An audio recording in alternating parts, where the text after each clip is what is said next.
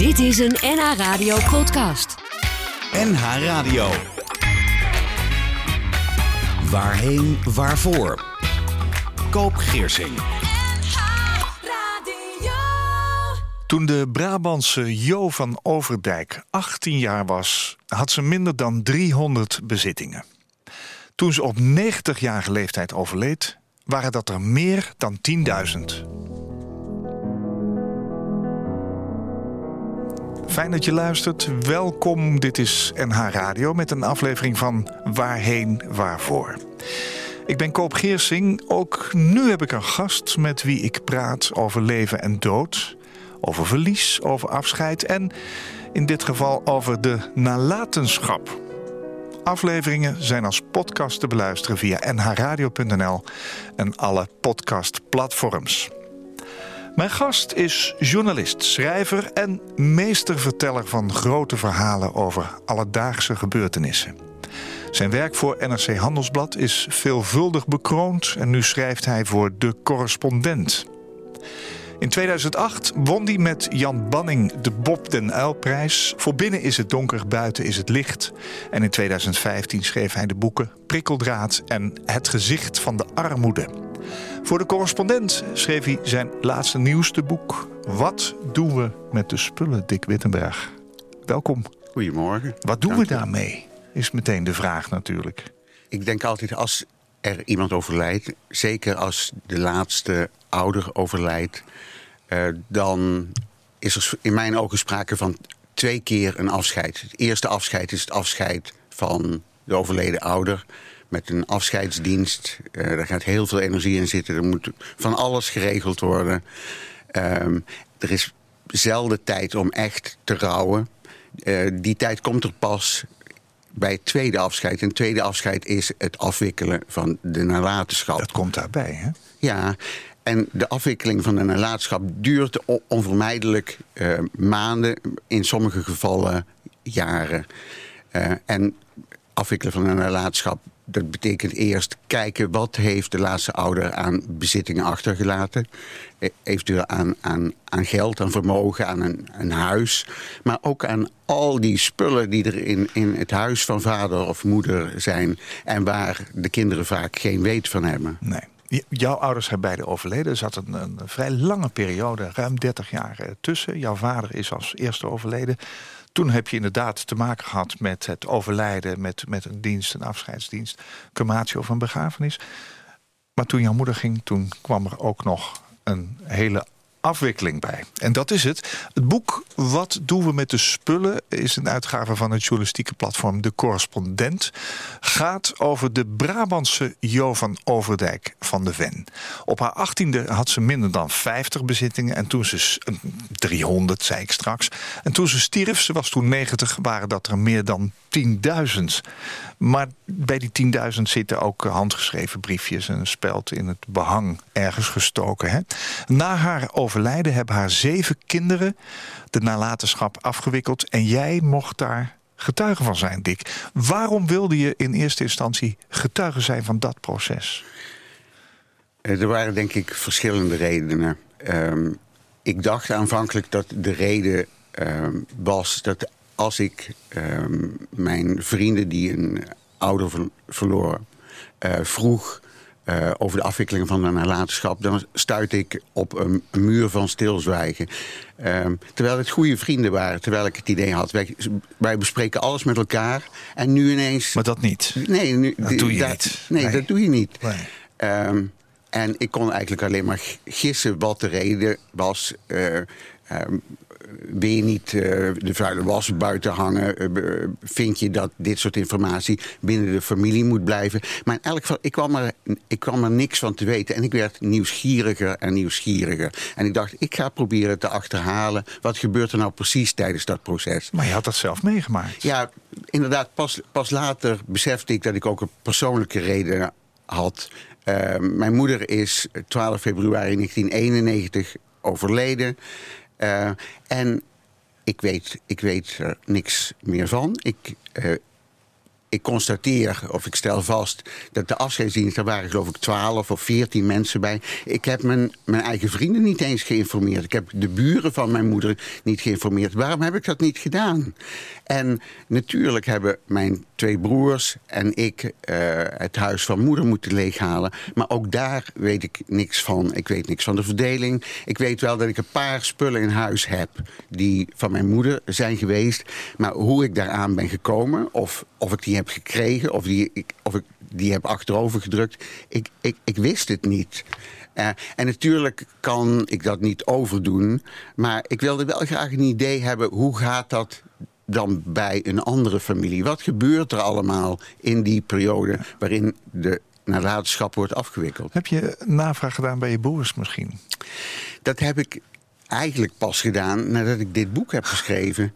Toen dacht ik, ja, ik, ik weet er maar weinig van. Maar er waren andere mensen bij. Dus die kan ik alsnog vragen. En dat, dat heb ik inderdaad 30 jaar later uh, gedaan ik ben iets meer te weten, maar niet, niet veel. Nee. Iets meer te weten gekomen, niet veel meer. Maar waarom weet je er niks van eigenlijk?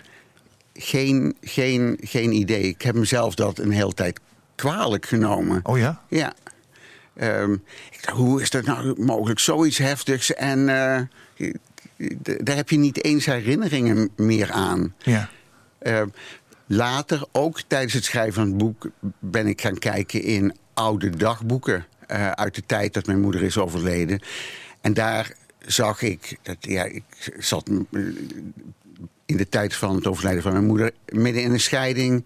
Ik was bezig uh, om van de ene baan naar de andere baan te gaan. Destijds was er de Golfoorlog gaande. Dat is iedereen al lang vergeten, maar het was net zoiets ja. als de coronacrisis.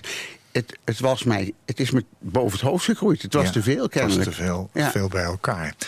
Je, zei het al, het eerste afscheid van een ouder is het herdenken en begraven of cremeren. Het tweede afscheid is meer. Het is ook het afwikkelen van die nalatenschap. Nalatenschap is uh, alles aan bezittingen en schulden. Hè? Dus niet alleen het financiële, maar ook nog eens een keertje... ja, wat heb je aan spullen in huis staan? Uh, dus ook het ruimen van de spullen. Hè? Ja, dat moet ergens naartoe. In het boek wissel je dat familieverhaal uh, af met hoofdstukken over de betekenis van spullen. Want spullen lijken betekenisloos, maar zijn dat niet. Hoe bedoel je dat precies? Ik, ik denk dat uh, mensen een relatie aangaan met spullen, zoals ze ook met, met, met mensen aangaan. Uh, en sommige spullen zijn uh, misschien uh, vage bekenden, maar sommige zijn goede vrienden of, of dierbare. Ehm, spullen herinneren een laatste ouder ook aan het leven wat hij of zij heeft geleid. De, de, de vakantie waarin ze zich oneindig gelukkig hebben gevoeld. Het moment waarop ze een kind hebben gekregen. Ehm, spullen zijn, zijn belangrijk alleen al omdat ze vertegenwoordigen momenten die belangrijk zijn geweest. Ja, ja. ja, ja. Je hebt heel erg je best gedaan om dit boek uh, tot stand te brengen. Een eerdere poging is eigenlijk niet helemaal doorgegaan. Hè? Waar lag dat aan? Uh, dat lag er denk ik aan dat ik worstelde met mijn eigen nalatenschap. Ik dacht, ja, ik heb die zelf nooit behoorlijk afgewikkeld. Wat geeft mij het recht om, deze, om, om, om dit verhaal te schrijven? En zoals ik net zei, ik, eh, door eh, te kijken naar oude dagboeken. Uh, van ben je, ik, die je zelf geschreven van, hebt? Van mezelf ja, ja. ben ik uh, meedogender naar mezelf gaan, gaan kijken. En dacht ik, mijn belangstelling in de nalatenschap van deze familie is uh, oprecht. En ik heb deze familie niet benaderd. Ik, ik volg ze niet alleen om iets te halen. Ik ben daar ook wat gaan brengen. Ik heb een rol gespeeld ja. in, in, in, in het rouwproces. Ja, ja, ik geloof het. Het is een stukje levenswerk. Ja, zeker. Ja. Mijn gast in deze aflevering van Waarheen Waarvoor is journalist en schrijver Dick Wittenberg. Hij liep al jaren met het idee Het proces van het verdelen van de nalatenschap van dichtbij mee te maken en er verslag van te doen. Ook omdat hij zelf nauwelijks herinneringen heeft aan de periode na het overlijden van zijn moeder, werd hij steeds nieuwsgieriger naar dat proces. Het is een belangrijke periode in een mensenleven en er is zo weinig over bekend. Dick is op zoek gegaan naar een gezin dat hem van begin tot eind wilde laten meekijken. Dat werd de familie van Jo van Overdijk. Hetgeen resulteerde in het boek Wat doen we met de spullen? Dick, hoe kwam je bij de Brabantse familie en hoe gemakkelijk werd je toegelaten bij dat toch intieme proces na het overlijden van hun moeder? Het vinden van een familie uh, die mij de kans bood om het hele proces te volgen, was eigenlijk het allermoeilijkste van dit, dit boek. Dat heeft me vijf jaar gekost. Ik heb een aantal uitvaartondernemers benaderd. Ik heb met ze gesproken. Uh, zij onderkenden uh, de behoefte uh, aan een, boek over het afwikkelen van de nalatenschap. Omdat ook zij constateerden, er wordt veel te weinig over gesproken. Uh, het lijkt wel alsof dit een taboe onderwerp is. En zij raden me aan, maak een heel kort briefje. Uh, en wij zijn bereid om dat in enkele gevallen te overleggen aan de familie. Op het moment dat wij denken dat dit passend is, dat de familie er uh, is. Het mag op geen enkele manier uh, hun rouwproces verstoren. En dat betekent dat die briefjes ook maar een paar keer tevoorschijn zijn gekomen. Ja. En, en enkele keer belde een uitvaartondernemer op en zei... nou, ik, ik, denk dat er een familie is die interesse heeft... maar de hele familie moet het er mee eens zijn. Oh ja. Dus vaak was er dan toch een broer of een zus die zei... nee, dat, dat wil ik echt niet. Ja, dan gaat het niet door. Nee. En uiteindelijk, na vijf jaar... ik had, ik had het eigenlijk niet meer verwacht. Ik moet denk, opgegeven Ja, reeds. opgegeven. Ja, dat Uh, gaat hem niet worden. Nee, was er een telefoontje van een uitvaartonderneemster... die zei, ik denk dat ik een familie voor je heb. Je uh, kunt de oudste broer van het gezin bellen... Ja. en maak maar meteen een afspraak. Ja, alle namen in het boek kloppen, hè? Zeker, Ja, ja. het is een echte bestaande familie. ja. Hoe werd je ontvangen? Um, ik werd ontvangen door de oudste broer... die door de, de, andere kinderen werd gezien als uh, hij, regelt, hij regelt alles Ja, wel. Dat doet hij wel. Ah, precies, hij, doet hij doet het wel. En uh, we hebben alle vertrouwen in dat als hij denkt dat uh, deze journalist bij ons welkom is, dan zal het ook wel goed zijn. Maar ik had ook echt het idee, dit is bijna een soort sol sollicitatiegesprek. Want, Vond je het spannend ook? Nee, nee. Ik, ik, ik dacht, ik heb, ik heb niks te verliezen. Mijn be bedoeling is uh, oprecht. En ik ga precies zeggen hoe ik het wil aanpakken. En hij moet maar precies zeggen wat de beperkingen zijn. En als we elkaar kunnen vinden, fijn.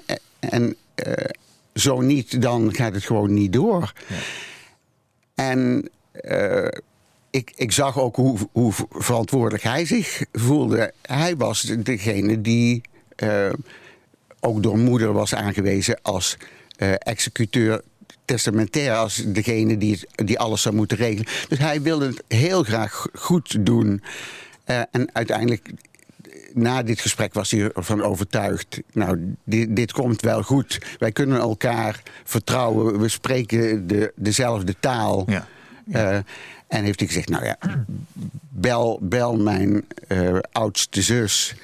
Zij is degene die in het huis van moeder zit... en die op zich heeft genomen om uh, alle spullen te inventariseren. Ja, ja. Het doornemen van die nalatenschap, uh, de spullen in dit geval... is ook een reis natuurlijk door het leven van, van die Jo. Hè?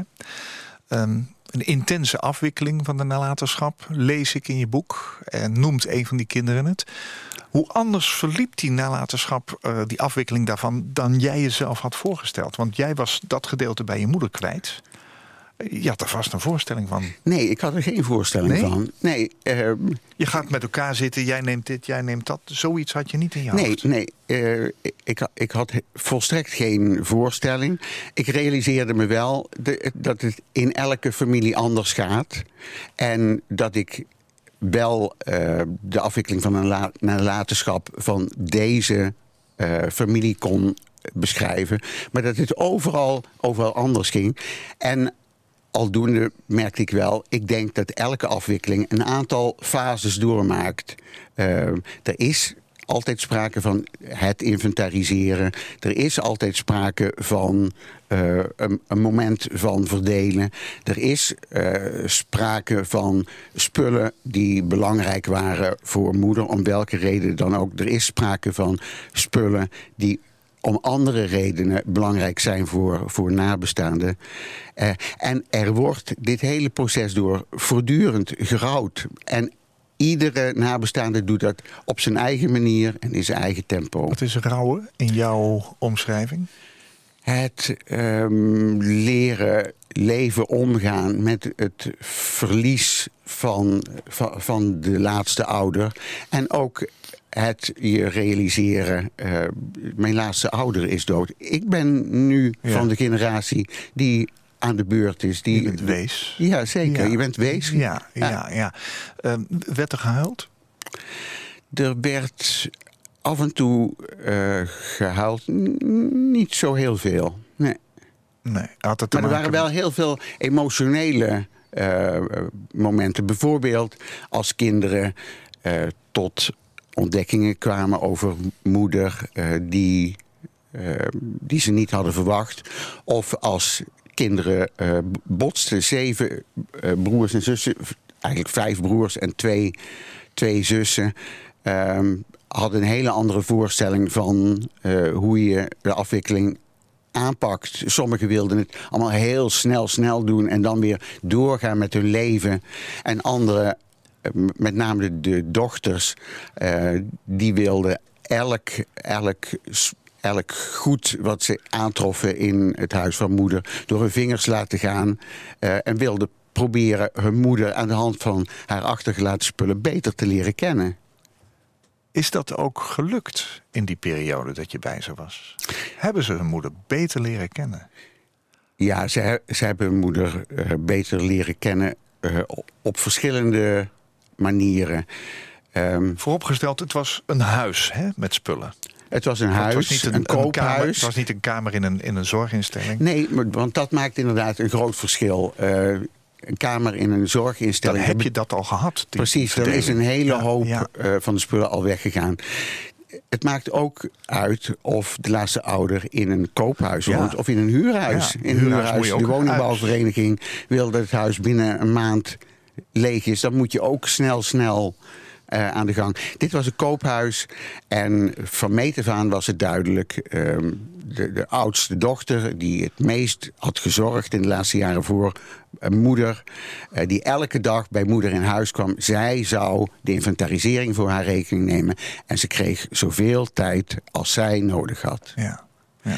Uh, zij had het idee, omdat ze elke dag bij moeder kwam ik ken, ik ken hier alles. Ik weet alles hier in dit huis. Ja. Maar toen ze de eerste kast opentrok... of toen ze naar de zolder ging, ontdekte ze... Ik, ik, ik, heb, ik heb geen flauw idee wat moeder allemaal bewaard heeft. Oh ja. En ze, kwam, ze, ze, viel van de ene in de, in de andere verbazing.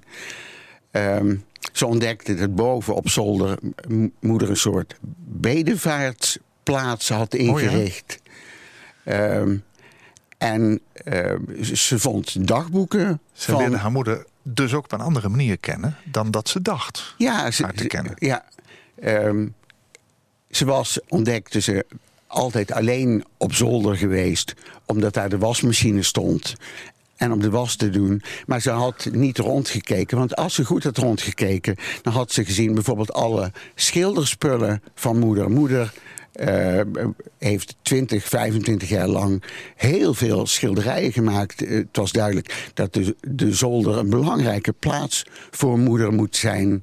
Uh, geweest. Ja, Daar kwam ze pas achter toen ze door het huis ging. Ja. Die bedevaartsplaats uh, stond ergens in een hoek van de zolder. Daar had ze, daar had ze geen weet van. Nee. Nou vertelde je dat je dat bij je eigen moeder eigenlijk niet zo beleefd hebt. Hè?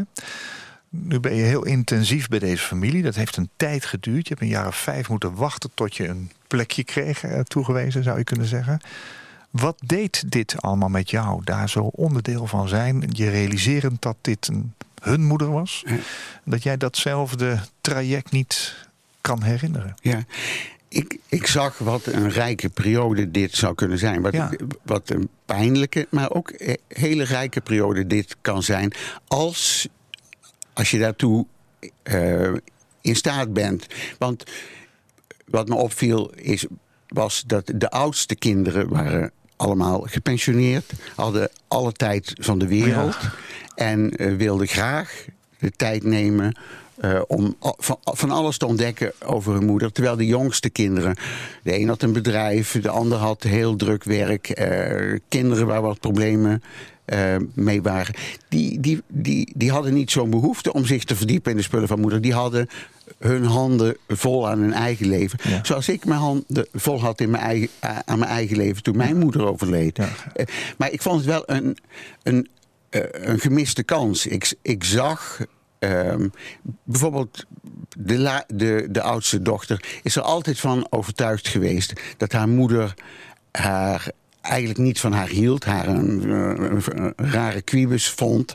En door het lezen van de dagboeken van haar moeder kwam ze erachter... mijn moeder heeft op een aantal momenten wel degelijk van mij gehouden. Ja. Dat, dat, dat was voor haar helend heilzaam. Dat heeft voor haar weer geholpen dus. Zeker. Ja. Ehm, de twee eh, dochters konden aan de hand van spullen van moeder ook re- reconstrueren dat hun moeder een hele grote liefde nog had gehad na de dood van hun, van hun vader. Ja. Eh, en ehm, ook, ook dat was he- helend voor hen. Ze, ze zagen, onze moeder heeft eigenlijk een heel zwaar leven gehad. Eerst de kind in de crisisjaren, eh, eh, tiener eh, tijdens de oorlogsjaren. Daarna eh, een, een, grote familie, een groot gezin. eh, en vader had een schildersbedrijf. Dus het was heel, heel druk. Eigenlijk is ze, terwijl de kinderen in huis waren, bijna altijd overspannen geweest. Of op het punt van overspannen. Ehm, maar daarna, na de dood van vader, heeft ze een bloeiperiode gekend. Opgebloeid. Ja. Ja, ja. Nog even toch terug naar jouzelf. Ehm, deze periode eh, van de nalatenschapverdeling van Jo jou goed gedaan? Je zei, ik kan het niet meer overdoen van mijn eigen moeder. Maar hier heb je het in zekere zin met een andere moeder, die ook Jo heet, Ja. toch overgedaan. Heeft, heeft je dat geholpen? Eh, het heeft me geholpen met het leven met het gegeven dat, dat, dat ik die periode heb gemist. En dat ik de, de kansen die die periode biedt ook heb gemist. Ja. Ja. ja. Je hebt jezelf ook vergeven, heb je gezegd. Ja, hè? Ik zeker. ben, ben vergeeflijk naar mijzelf Ja. geworden. Ja. dat is mooi. Ik heb gevraagd of je drie liedjes wil meenemen... die misschien ooit een keer op je eigen uitvaart zouden mogen klinken. Ja. Was dat een lastige keuze of had je die eh, selectie al gemaakt? Oh, die, die selectie, de eerste selectie heb ik denk ik al wel tien jaar geleden gemaakt. ja? En eh, el, ik, ik, ik, ik zet in mijn agenda elke twee jaar kijk ik naar die lijst. Is die nog eh, actueel? Is die nog passend? Oké, Eh, nee, dus het was geen probleem. was niet moeilijk. Nee. nee. We gaan naar Barbara Hendricks. Waarom die keus? Ehm, die, eh, dat nummer doet mij denken aan ehm, een periode van grote verliefdheid op mijn vrouw. Ehm, het is ook een soort eerbewijs aan, aan haar.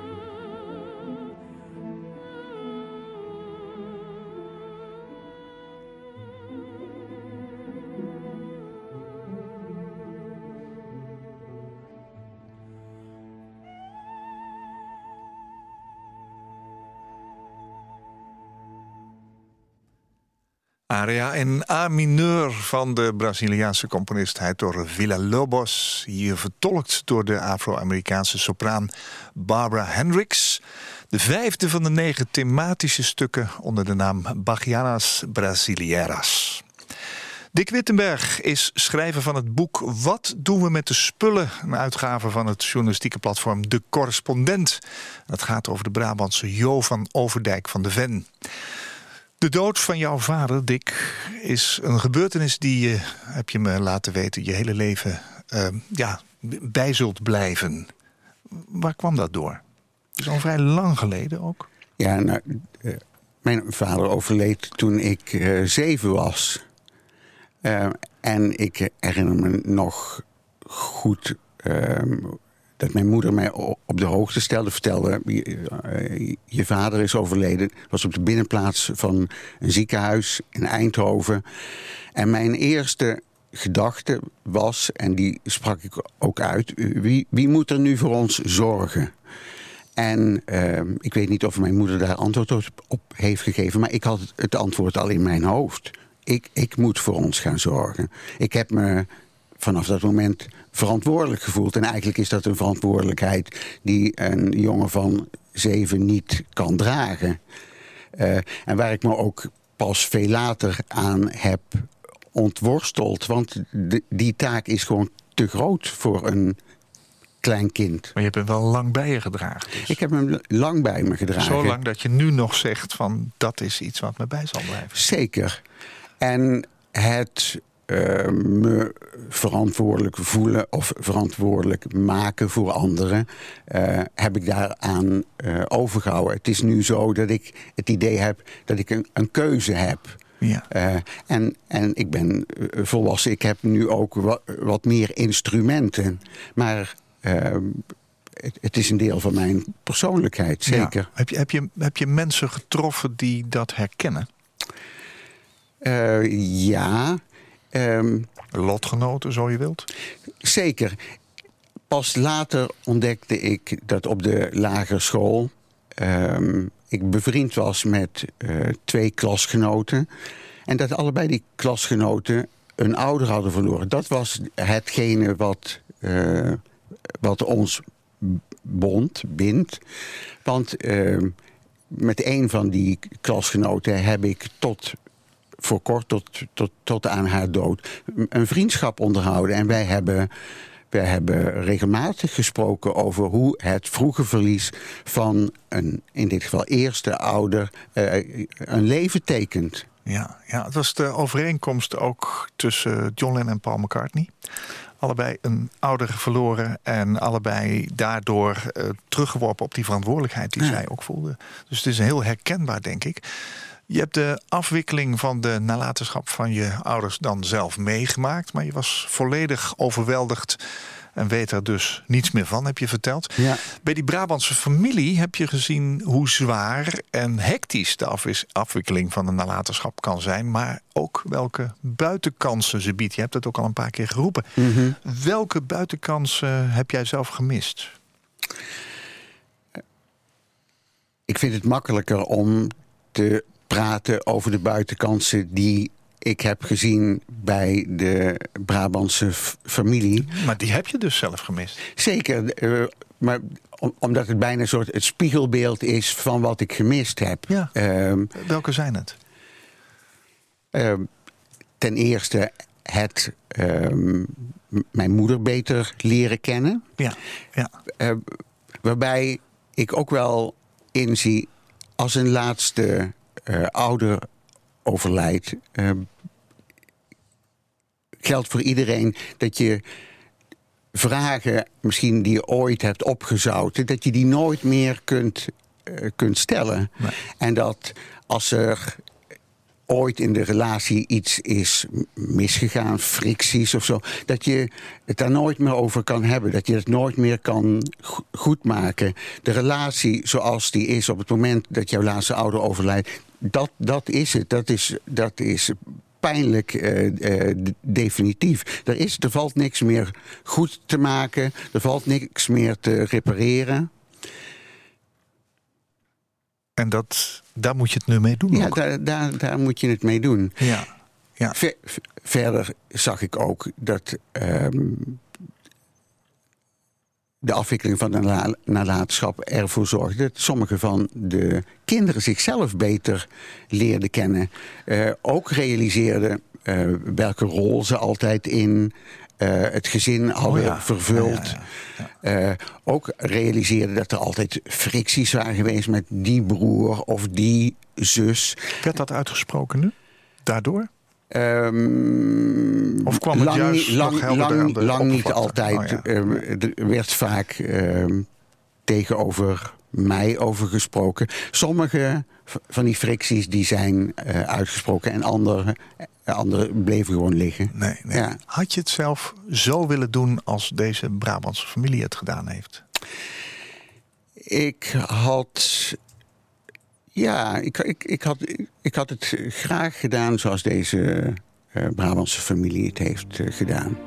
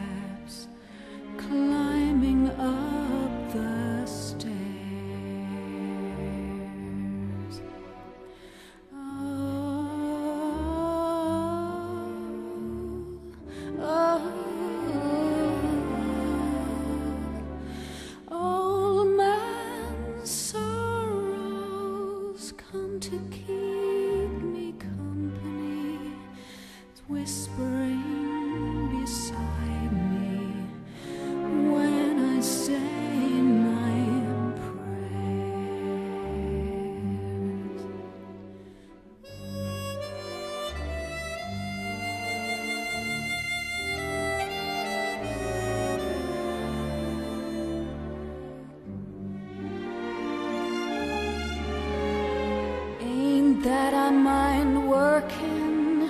Work and I are travelers, journeying together to the promised land. But old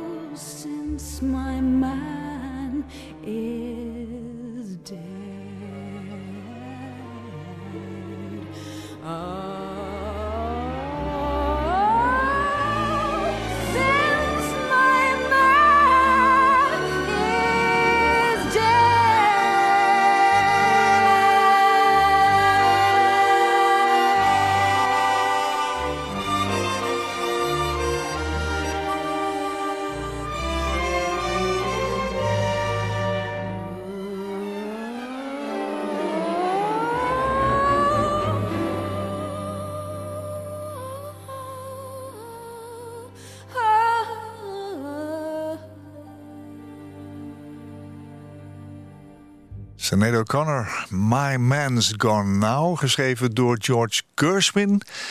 Vertolkt dus door Sinead O'Connor, geproduceerd door George Martin, vertelde je me zojuist, Dick. Dat is heel bijzonder. We hadden het net even over de Beatles. Dat was toeval, want ik wist dat niet. En het is een eh, album, The Glory of Gershwin. En het eh, is eh, vooral zeg maar met Larry Adler, dat een harmonica-speler, met allerlei andere artiesten. Dit is een relatie met je vader. Dit heeft een relatie met je vader. Hè? Zeker. Ehm, dit nummer komt uit de opera Porgy en Bess, geschreven door Gershwin.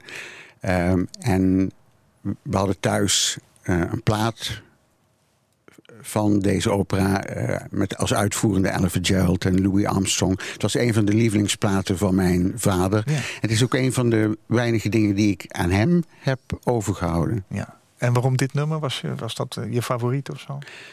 Eh, di- dit nummer gaat over een vrouw die rouwt om haar man. Ik vind Oh ja, het passend. symbolisch. En, ehm, het is, weet ik, verschrikkelijk voorbarig. Maar mijn vrouw is wat jonger dan ik ben. Ik ga ervan uit dat ik als eerste ga. Ja. En dit is ook eh, bijna een soort troostnummer. Ja. Ja. Ja, mooi. Dank. Eh, Het tweede nummer van de drie die je eh, meegenomen hebt vandaag. We gaan straks nog het derde nummer draaien. Vooraf aan dit hele proces, aan het boek, stelde je het verhaal van de dood en wat er achterblijft. Dat zou ik willen schrijven. Zo heb je het bij de familie ingebracht. Is het ook gelukt?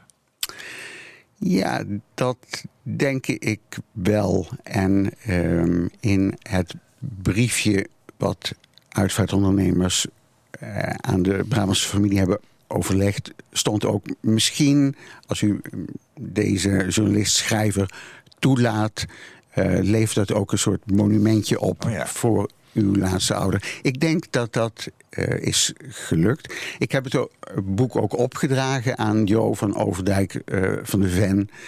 Ehm, ik heb het boek ehm, gepresenteerd eh, in Oorschot, in ehm, het café op de markt in Oorschot, waar destijds de koffietafel is gehouden voor moeder. mooi. Eh, en eh, de meeste kinderen zien dit boek als een monument voor hun moeder en zijn er blij mee. Niet allemaal. Nee, niet allemaal. Er is ehm, één zoon die helemaal in het eindstadium van het, het boek. Toen het boek al bijna naar de drukker zou gaan, liet weten: Ik wil niet dat dit boek verschijnt. Ik, dit- is te in- intiem, te privé. Eh, ik wil ook niet dat mijn naam in het boek eh, eh, komt en alles wat ik heb verteld, Ja. dat wil ik ook niet in druk verschenen zien. Ehm, nou, dat was een even hevig een dingetje, ja. ja. moment. Want ik had uiteraard alle kinderen de gelegenheid gegeven om mijn manuscript te lezen. Ja. Te kijken of er in hun ogen onjuistheden in stonden. Ze stuiten gelukkig op weinig onjuistheden. Maar goed, de onjuistheden die er waren, die heb ik gecorrigeerd. En ik heb eigenlijk. Ik, ik heb in alle stadia. eh, van het afwikkelen van die nalatenschap gedacht. Natuurlijk kan altijd een familielid bezwaar maken. Maar helemaal op het laatste had ik er niet meer op gerekend. En wat was er gebeurd? Deze zoon heeft het manuscript nooit gelezen. Die wilde, het- die wilde het niet lezen. Confronterend misschien. Ja, Ja. en door toeval heeft hij het in een heel laat stadium alsnog gezien. En toen, toen sloegen alle knoppen door. Eh, dus het, het leek erop dat of het boek niet zou verschijnen... of dat er een soort juridische strijd over zou worden ge- gevoerd. Ja. Het is allemaal niet gebeurd. Eh, het, het is in der minne geschikt, zullen. Zeker. De- ik- de- ik ben de uitgeefster van de correspondent eh, nog steeds heel Ja. dankbaar dat ze niet de, de strijdbijl heeft opgegraven, maar heeft gezegd: ik ga nee, naar deze man toe en ehm, ik praat met hem van mens tot mens. Ik Ja. probeer ook duidelijk te maken waarom wij vinden dat het belangrijk is dat dit boek wel uitkomt. Ehm, Maar jij bedankt hem ook aan het eind in het boek. Zeker, natuurlijk. Ja. Ik, ben, ik ben hem, net zoals alle andere kinderen, heel erg dankbaar voor de kans die ze mij Het is boden. echt een mooi document. En het heeft mij ook persoonlijk, hè, dat kan ik je best vertellen... dat wil ik best ook met de luisteraar delen... op gedachten gebracht dat ik dit ook moet gaan doen in mijn leven. Ik ben net verhuisd, ik heb heel veel spullen. Ik heb gisteren weer een aantal dozen binnengebracht... die nog op, in een, eldere, op een andere plek stonden. En ik denk, ja, wat moet ik ermee? Maar ik ga het in ieder geval delen met mijn vrouw. En ik ga het delen misschien ook wel met mijn kinderen... voordat ik er afscheid van neem. Dus dat, dat kan ik iedereen aanraden. Een van de foto's in het boek is die van twee spelden in het behang. Welk verhaal vertelt dat wat jou betreft? Eh, die uh, speld en naald in het behang. Dat waren eigenlijk de enige twee spullen die ik nog aantrof toen ik de allerlaatste keer met de oudste dochter van deze familie door het huis van moeder trok. Uh, en uh, ik vond het ontroerend. Het hele huis, alles, alles, alles was leeg. En die twee mini, minimale spullen, die, die stonden daar in het behang. Uh, en ik vroeg aan die oudste dochter... weet jij waarom jouw moeder die daarin heeft gestoken? En uh, zij, zij had geen enkel idee. Wat voor mij ook meteen symbool was... Uh, aan de ene kant door het uh, door alle spullen heen gaan, ben je van alles te weten gekomen over je moeder. Maar er blijven spullen die je niet meer weet en die je nooit meer zult weten en die je nooit zult kunnen vragen. Wat is er gebeurd met die twee spelden? Die heeft de andere dochter van de familie uh, meegenomen. En uh, die heb ik later van haar gekregen als, als aandenken aan, aan het hele proces.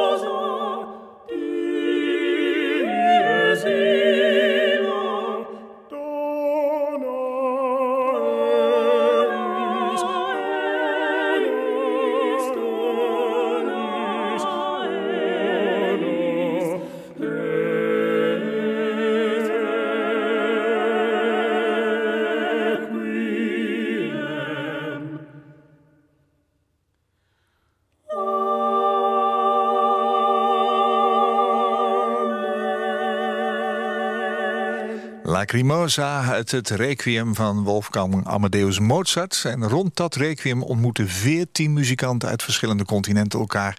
En zij reconstrueren het en laten daarbij hun eigen muzikale invloeden samenstellen. Samensmelten met onder andere jazz, opera en populaire Afrikaanse muziek. Wat een mooi stuk.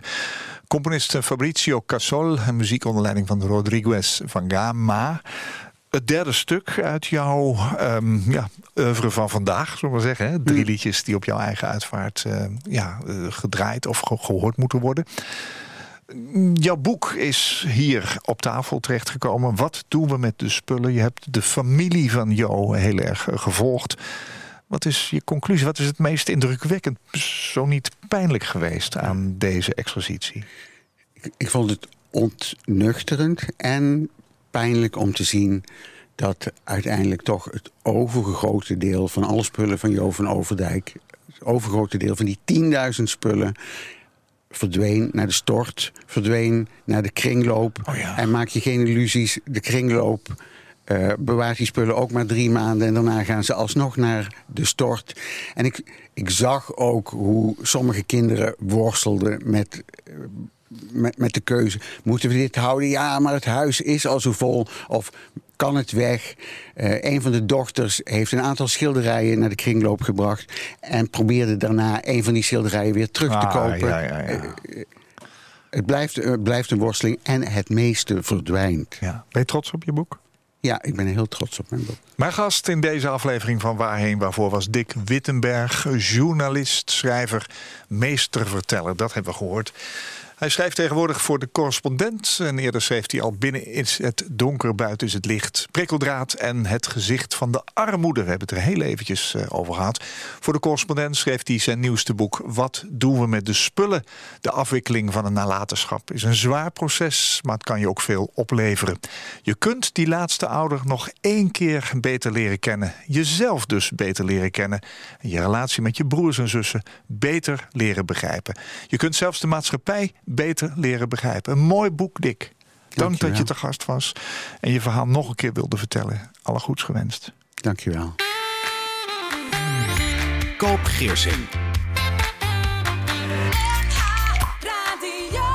Als jij een keer te gast wilt zijn in Waarheen Waarvoor om te vertellen over jouw levensreis, laat me dat dan weten via waarheenwaarvoor.nhradio.nl. Waarheenwaarvoor.nhradio.nl.